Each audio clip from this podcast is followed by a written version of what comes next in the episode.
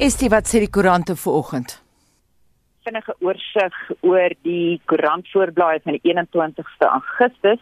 Op die voorblad van die burgers, sta stakers wil die land tot stilstand bring. 2000 nie eh, eh, as jy sê 2980 000 staatsamptenare wil dan wegbly van die werk. En ons ook 'n foto van 'n reuse krokodil wat 'n bok gevang het met die opskrif op die spyskaart bok pastei. Beeld se hoofstorie is Zandile lag al die pad bank toe, het salaris ondanks beweerde bedrog en hulle berig ook oor Fats Du Plessis en sy vrou wat 'n tweede dogter ryker is. Die leistorie op Volksblad se digitale voorblad is staatslei wil land verlam, plundering wys mos daar's geld en dit is dit sê Nalu.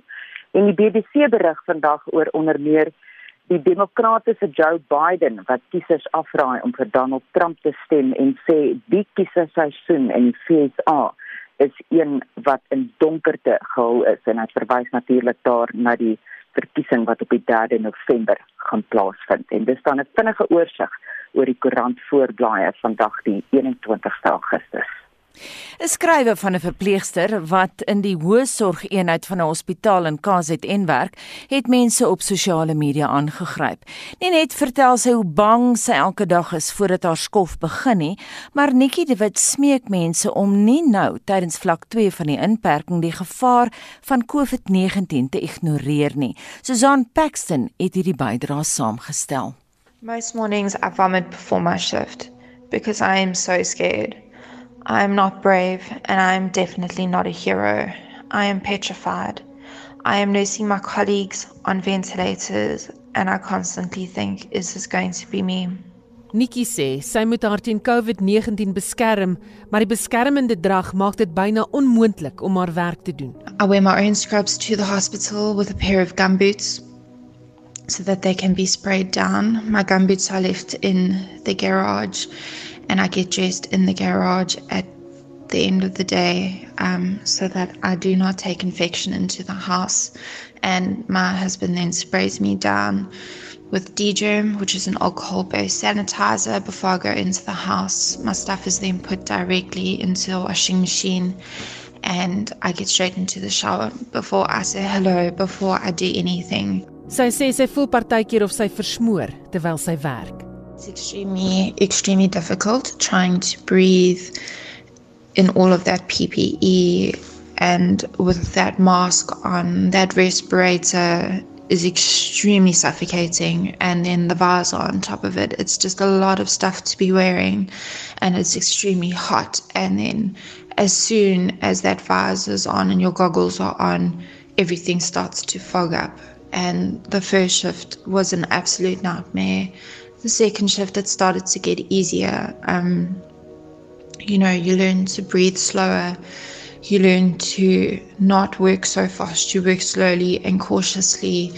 You slow down everything so that you're not breathing as fast and that things don't fog up as quickly. You hold your breath and just practical things like that so that you can actually see what you're doing. Because the thing that was getting to me the most in the beginning was that I couldn't see my patient through the fog and I was trying to feel for what I was doing. I wear a KN95 mask for 12 hours every day and at the end of the day I put that mask into a brown paper bag and it gets sent off to get zapped by a machine. It's the same machine that's used to disinfect beds after a patient dies or is by some miracle discharged. It uses radiation, and I cannot leave my patients. There is only a sheet that separates most beds, so everyone in the ICU is exposed to the radiation. It's just how it is, and there's no way to work around it. Nikki vertel verder dat sy wens mense kan net 'n uur in hierdie eenhede waar sy werk deurbring, dan sal hulle dalk nie so ongeërg wees oor die pandemie nie. Sy sê dit is vir haar baie sleg om haar kollegas te moet verpleeg, hulle aan die lewe te hou, terwyl die res van die wêreld nie agslaan op die waarskuwings nie. Sy sê dit voel amper of hulle hulle lewens te vergeefs vir die publiek op die spel plaas. Every interaction is possibly putting somebody else at risk and there are so many cases of people testing positive with absolutely no symptoms and there are people that are healthy that get full blown COVID and experience every single symptom and end up in my ICU. And the thing is, you never know. You just never know is somebody going to just get a mild case or is somebody going to die from this? I really did think I knew what I was walking into. I had no idea. I thought I was prepared because I'd spoken to nursing friends in New York and Cape Town to try, to try prepare myself. So they have been hardest hit. But there is just nothing that can prepare you for what you're going to see. Nikki vertel ook van die ingrypende impak wat haar werk op haar familie se lewens het. 2 months ago we moved out of our homes and my husband and I he wanted to go into isolation with me. He was adamant Um, I fought him hard about it, knowing that I could possibly make him sick. Um, eats me alive every single day. Every single time I cough or sneeze, or my throat is a bit sore and irritated, I panic and I think, Am I sick? Am I going to make him sick? What if he gets so sick and dies from this and it's my fault? Is his family going to blame me? Um, how will I live without him? Nikki smeek mense om hulle self op te pas en die virus te stop.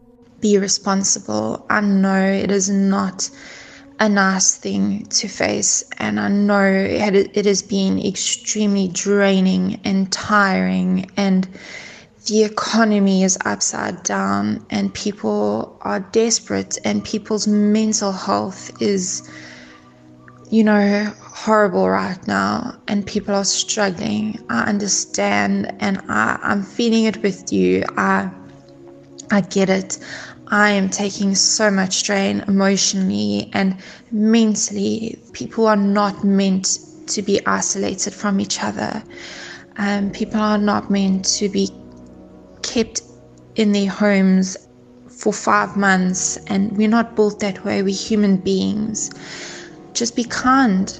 Just be kind to people. Show grace, show understanding. You don't know the situation someone else is in, but please be responsible and be considerate. There are nurses and doctors and pharmacists and everybody that works in the hospital dying daily to try and help this country. So please, please pay your parts and just help us beat this. Every single life lost is one life too many. We still, after five months, should not be losing people to this virus, and we are. Nou daai pleidooi kom van Nikki de Wit, sy's 'n verpleegster by 'n hoësorgeenheid in 'n hospitaal in KZN en Susan Paxton het daardie bydrae saamgestel. Dis nou byna 20 minute oor 6 en as jy 'n eerste linie werker is soos 'n verpleegster, 'n paramedikus of dalk 'n polisiebeampte, laat vir ons weet wat jou ervaring tot dusver van die pandemie is. Voel jy soos Nikki de Wit of is jou ondervinding anders? En as jy nie so 'n persoon is nie, wat dink jy van mense soos Nikki wat hulle lewens moet waag om ons te help. Stuur 'n SMS na 45889. Onthou dit kos R1.50 of gaan na facebook.com vorentoe skynstreep ZRSG of WhatsApp vir ons stemnota na 076 536 6961 076 536 6961. Die Suid-Afrikaanse Nasionale Weermag sê die weermag weerhou steeds belangrike inligting oor die ondersoek na die betrokkeheid van sy lede by die dood in April vanjaar van Collins Kosa in Alexandra Gauteng.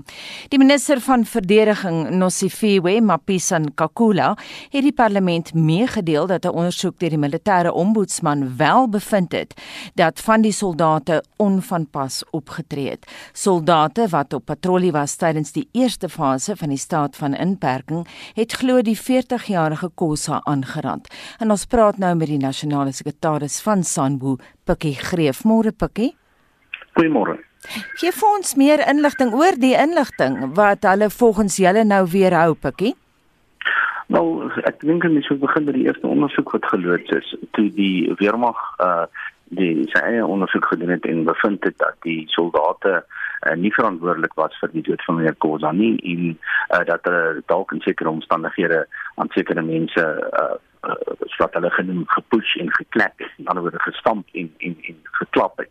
Wat natuurlik nie kom op aanranding, maar hulle het hulle self en veral bestuur het hulle self heeltemal probeer uh distansieer van die voorval. Uh en en op die koop toe sommer dan nou ook die uh die soldate sou vir probeer regverdig. Dit is nie die eerste ondersoek deur die hoof van die weermag. Die militêre ombud het daarna gekom op 'n uh, aparte klagte wat deur die lede van die publiek gelees oor die insidente en 'n ondersoek gedoen en het bevind dat die soldate wat wat nou op die toneel was onvanpas opgetree het en onregmatig opgetree het. Nou dit was nog heeltyd ons houding as Unie ook gewees wie ook al die soldate is indien hulle onregmatig opgetree het moes daar teen hulle opgetree geword het deur die weermag owerhede. Dit het egter tussen die twee ondersoeke 'n uh, 'n uh, regter se beslissing gevat om die weermag te gelas om die mense wat geïmpliseer word op spesiale verlof te plaas of dan uit te skors met betaling. So dit is baie duidelik dat van die begin af was die weermag bestuur glad nie bereid om as van bestuurskant verantwoordelikheid te aanvaar nie. Uh om eerder soldate onder die bus in te gooi tot tot tot op of tot op 'n mate te beskerm en sover as dit hom nie kan beskerm nie om dan dan, dan nou maar onder die bus in te gooi. Wat belangrik is van die ombud se bevinding is dat die ombud se bevinding sê dat die uh, betrokke soldate en hulle pelotonbevelvoerder verantwoordelik gehou moet word vir onregmatige optrede. Maar die, die dieper punt hier is die volgende. Daardie optrede het plaasgevind met die goedkeuring en die medewete in regte tyd van die hoër bevelstrukture in Pretoria by die uh operasionele sentrum. Nou dit is ook 'n bekende feit en regter het dit bevind tydens die Khoza hofsaak voor vanjaar dat die weermag het opdrag gegee van sy hoofste uh, kaders af uh, aan die, troepe op die grond om veral wat Alexandria aan betref met 'n uh, uh, uitermate uh uh uh vooroordeel op te tree teen die inwoners van Alexandra want dit is waar hulle die meeste nie nakom van die reëls verwag het. So die die woord uit op die grond was ook dat dit oop is vir 'n troep om te interpreteer wat die sogenaamde Engelse term extreme prejudice uh beteken. En die weermagbestuur is nou heeltemal uh bereid om self te probeer distansieer van 'n uh, 'n uh, 'n uh, uh, toestand wat uh, sy toe doen is sy opdragte vervat. En ons vraag is waar is die generaals wat daardie extreme prejudice uh, besluit geneem het? Waar is daai uh, raad van generaals wat daai besluit geneem het? En waar is al die operasionele personeel wat in bevel was wat geweet het dit gebeur in regte tyd niks daaraan gedoen het nie en teruggesit het en gewag het totdat 'n regter hulle beveel om lede te skors net laasens spikkie wat gaan julle nou doen Wel ons ons houding oor die ding is nou maar net dat kom ons kyk of die minister die die die uh ombudsman aanbeveling uitvoer en dissiplinêre stappe neem teen hierdie soldate. Ons weet daar's 'n polisie ondersoek. Ek dink is so wag vir die uitslag van die polisie ondersoek.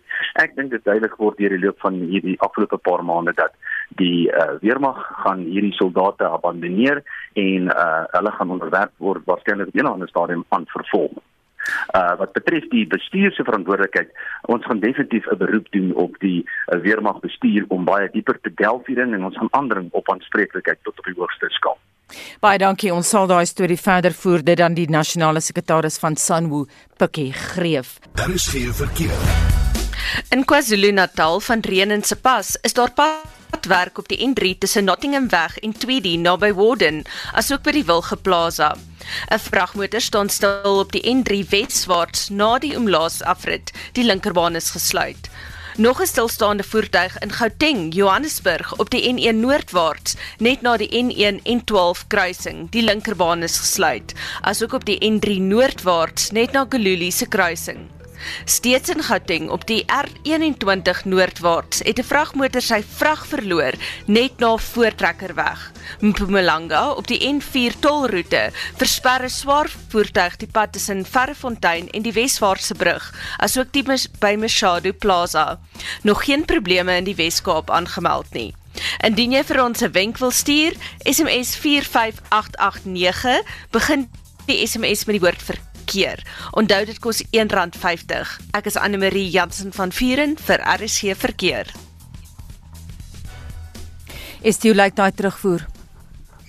Anita het die bester laat weet op ons SMS lyn Ek self is 'n intensiewe sorgsuster. Die laaste 3 maande was fisies, emosioneel en geestelik absoluut uitputtend op my en my kollegas.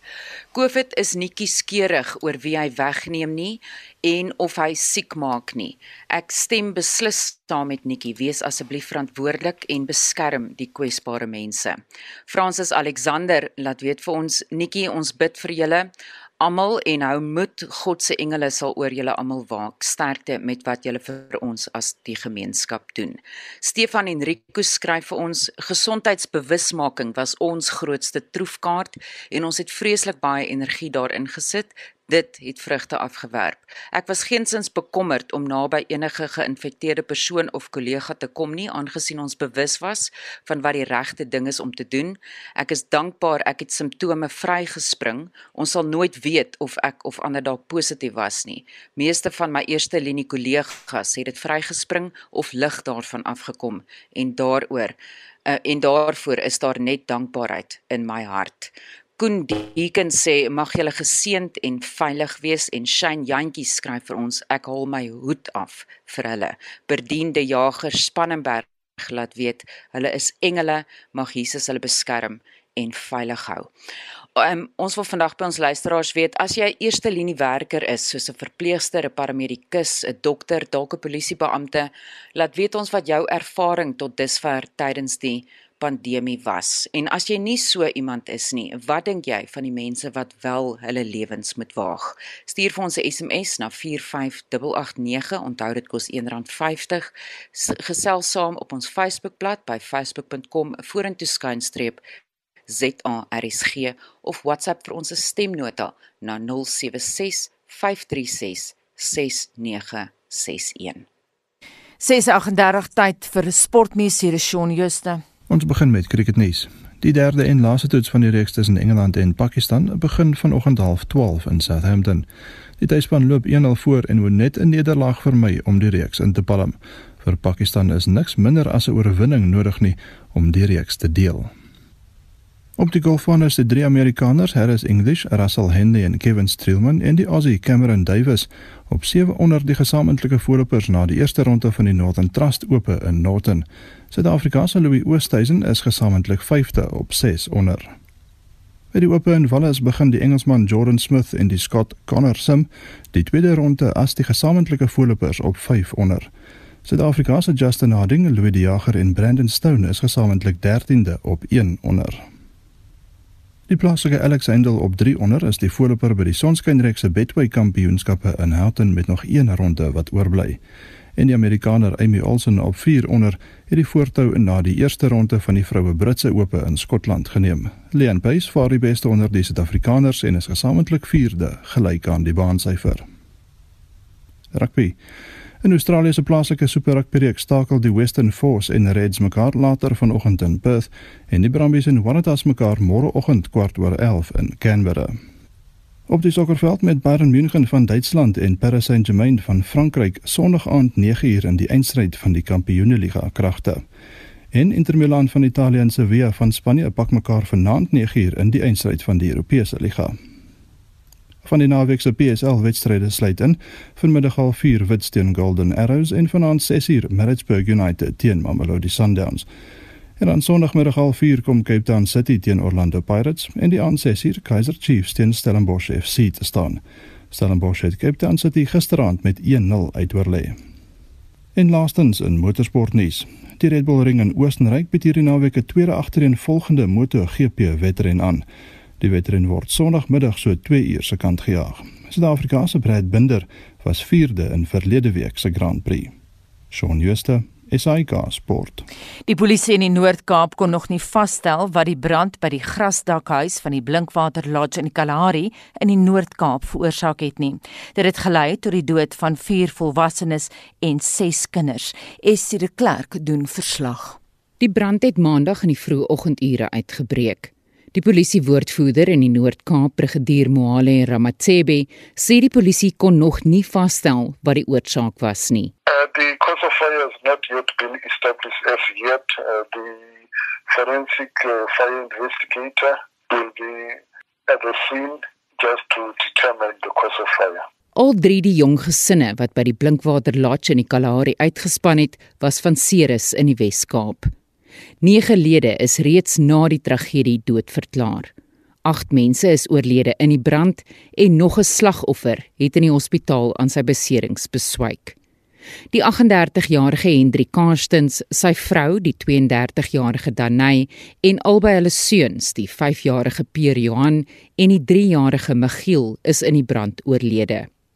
Net een van die sewe kinders wat saam met hulle gesinne by die lodge was, het die brand oorleef.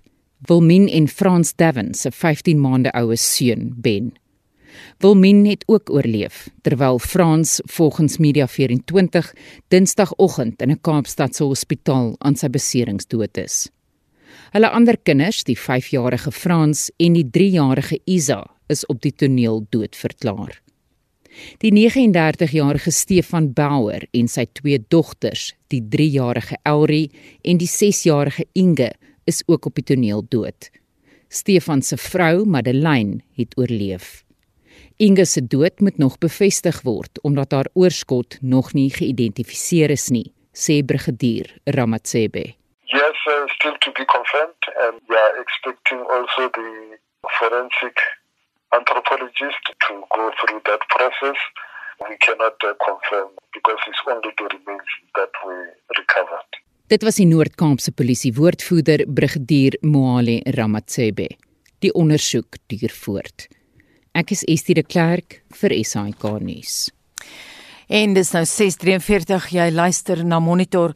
Die Amerikaanse president Donald Trump is die week deur sy voorganger Barack Obama beskryf as 'n gevaar vir demokrasie. Ontleeders het hierdie aanval beskryf as een van die ergste deur 'n lewende president op 'n ander wat op die tydperk van die kritiek die amp in die Withuis beklee.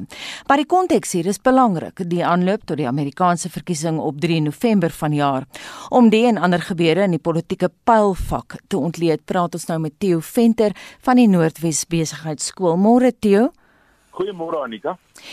Theo, sommige ontleeders sê nou dat uh, Obama se kritiek is erger as, as wat selfs na Watergate gelewer is op president Nixon. Wat is jou kommentaar? Anita, ek is geneig om daarmee saam te stem. Ek hou Amerikaanse presidentsverkiesings dop sedert 1976 toe Jimmy Carter verkies is.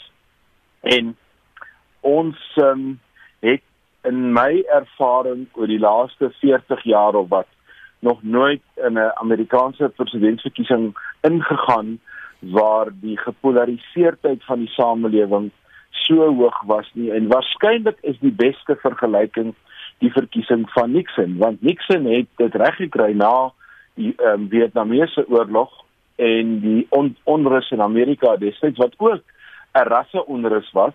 Um, onder meer studente en alles wat daarmee saamgaan het Nixon die grootste oorwinning ooit behaal om feitelik elke staat in te palm en kort daarna binne 2 jaar daarna inker tot te val te kom deur middel van die Watergate skandaal. So uh, ek dink die vergelyking is goed. En die tweede ding wat belangrik is hier, Amerikaanse oud presidente weerhou hulle tradisioneel daarvan om te betrokke te raak by die verkiesing van presidente na hulle veral as hulle twee termyne uitgedien het. En ehm um, hierdie reël is nou ehm um, is nou oortree. Hierdie reël is nou heeltemal uh, lyk like my uh, van die baan want nie alleen het Barack Obama baie skerp kritiek gelewer nie, maar ook Bill Clinton het mm. baie baie sterk kritiek gelewer op ehm um, op Donald Trump. En uh, die interessante ding is hierdie is nie nou al nie. Hierdie het begin van die eerste tekens van hierdie gepolariseerdheid veral onder die Amerikaanse leierskops was die begrafnis van John McCain. Ek um, vir my is dit staan dit nog steeds uit as 'n begrafnis waar Donald Trump nie welkom was nie en Amerikaners oor die politieke grense heen het hulle uitgespreek weliswaar op 'n baie ehm um, uh, uh oordentlike manier want dit was 'n begrafnis maar hulle uitgespreek oor wat in Washington aangaan en dit is herhaal met die begrafnis van president Bush senior. Ehm um, en ehm um, dit sê net vir jou wat van jare in Amerika aan die gang is, is buitengewoon. Is dit 'n voorspel van die styl van hierdie verkiesing van hoe dit gevoer gaan word? Wel as die Amerikaanse president doen wat hy die afgelope week gedoen het, dit is om uh eintlik oorlog te verklaar teen Amerikaanse maatskappye onder meer die wat motorsbande vervaardig net omdat hulle sekere ehm um, uh pette met met make America great again nie wil toelaat nie maar wel ehm um, uh, die die Black Lives Matter logo toelaat en hy dan sê vir sy ondersteuners moenie hierdie bande koop nie terwyl hy dit self gebruik op sy amptmotor dan moet jy besef wat se in watter toestand is dit Donald Trump is 'n uh, ek het nou nie 'n uh, mooi Afrikaanse woord daarvoor nie maar hy's 'n tit for tat president. As jy my slaan slaan ek jou terug. As jy dit doen doen ek dat. Die die die die verskynsel of die konsep van staatsmanskap wat mens van die Amerikaanse president verwag baie laag af op sy politieke agenda en ek dink dit maak van hierdie volgende wel omtrent 80 dae wat oor is voor die Amerikaanse presidentsverkiesing gaan dit 'n baie baie interessante ehm um, proses veroorsaak want ons moet onthou Joe Biden het nou sy aanvaardingstoespraak gehou wat mm. beteken hy is nou formeel die kandidaat vir die demokratiese party. Ehm um, Clinton nou syne in die komende week. Mm -hmm. As dit nou verby is, dan het ons nou formeel volgens die Amerikaanse reëls het ons nou die veld tog alhoewel ons weet die veld tog word eintlik al gevoer oor die laaste jaar maar nou het ons die twee politieke partye elke party het sy politieke platform of sy beleid in plek en nou spat die politieke modder spreekwoordelik. Theo, wat het jy van Biden se toespraak gedink? Baie gevoelvol en presies die teenoorgestelde van wat Donald Trump gaan doen en reeds gedoen het. Biden het 'n aanspraak gemaak op mense se integriteit. Hy het 'n aanspraak gemaak op mense se gevoel. Hy het 'n aanspraak gemaak op staatsmanskap. Hy het gesê ek gaan doen wat lankal gedoen moes geword het en dit is om te sê julle moet julle maskers dra. Hmm. Ek gaan ek gaan so hy het presies die teenoorgestelde gaan gaan aanbied en ek dink hy spreek tot ehm um, tot 'n klomp Amerikaners en ek dink iets wat hy gedoen het wat Donald Trump nie kan doen nie. Donald Trump se broer is in die afgelope week oorlede. En wat 'n tragiese geval in enige mense geskiedenis is, Donald Trump het dit gehanteer amper soos nog 'n transaksie in sy lewe. Ehm um, in die geval van Biden is het hy nie alleen sy eerste vrou verloor nie, maar hy het ook een van sy seuns aan die dood afgestaan van weer breinkanker hmm. en hy daardie gebeure baie baie goed polities gaan gebruik deur te sê ek weet hoe voel dit om iemand aan die dood af te staan. Nou dit is nie sommer net ehm um, eh uh, trane trek politiek nie. In Amerika is daar wel teen vandag omtrent 100 172 000 mense dood aan die koronakrisis. Met ander woorde almal in Amerika het iemand ergens aan die dood afgestaan en in daardie geval spreek hy eintlik 'n baie baie groot groep Amerikaners aan deur te sê ek verstaan julle verlies.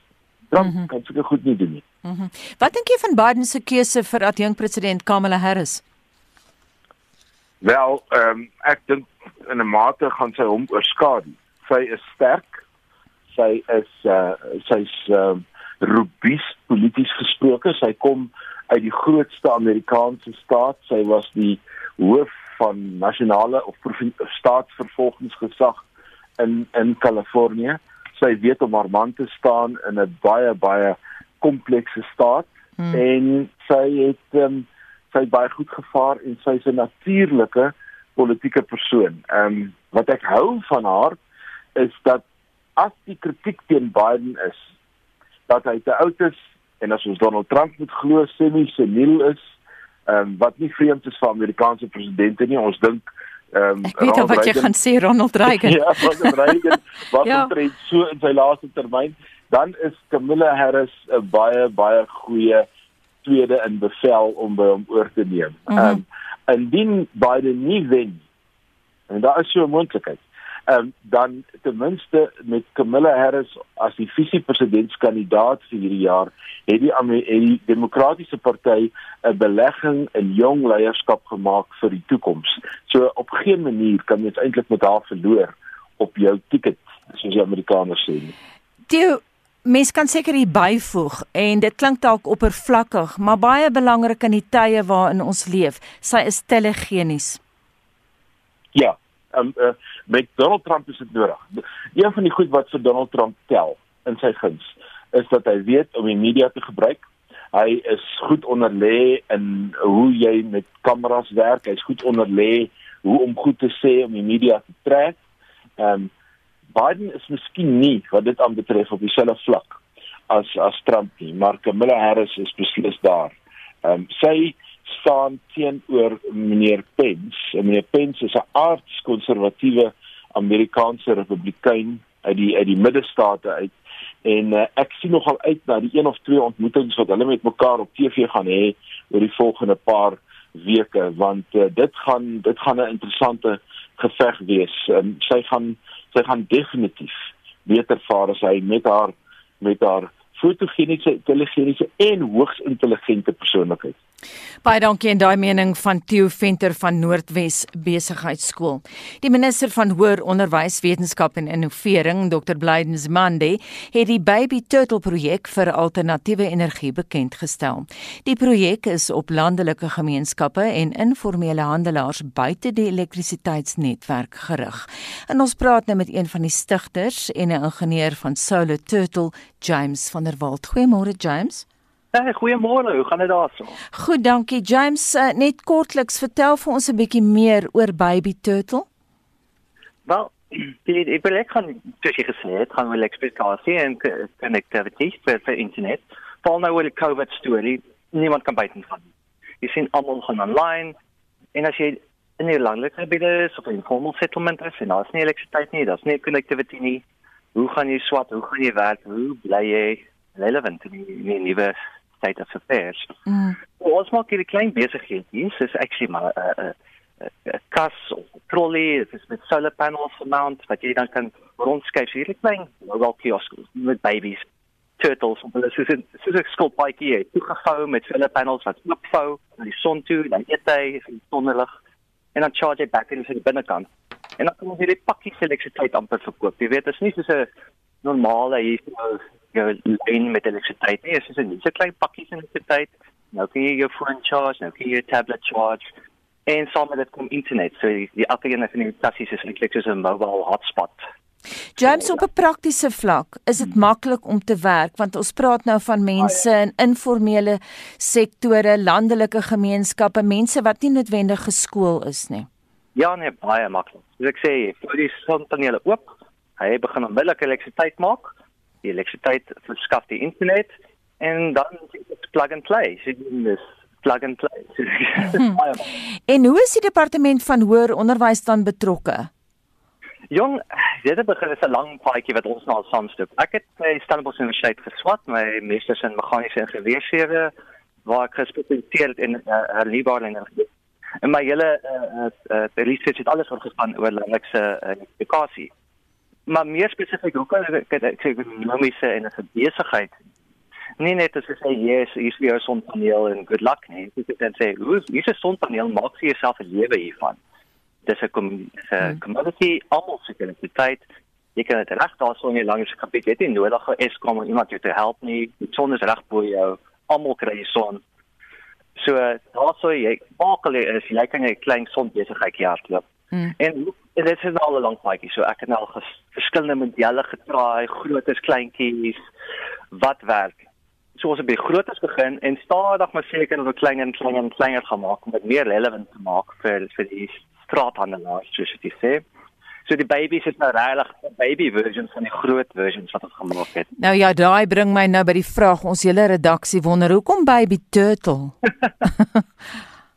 ons het met containers begin uh so so 'n solar container. Jy sit hom in en jy shop binne kan die container. Minie is baie veilig en die solar panels op die buitekant gemount wat toefou, ook soos die ander. So as dit uh, onveilig raak of as 'n uh, uh toy toy of iemand het mense gooi klippe, dan vou jy jou sonpanele toe. Dan sê soos dit soos 'n skilpaadjie, jy het toegevou en nou niemand kan jy seer maak nie. Okay, as jy veilig of die volgende oggend jy vou jy sonpanele weer oop en jy weer aangaan maar om met 'n container te werk is swaar dit is nie maklik om in 'n gemeenskap in te kry nie is duur dis is okay ons moet 'n ander alternatief kry Okay, kom ons maak 'n baby version. Baie klein. nou ja, daar het ons dit. Baie dankie dit aan James van der Walt, hy's 'n stigter en 'n ingenieur van die Baby Turtle projek. Daar is geen verkeer.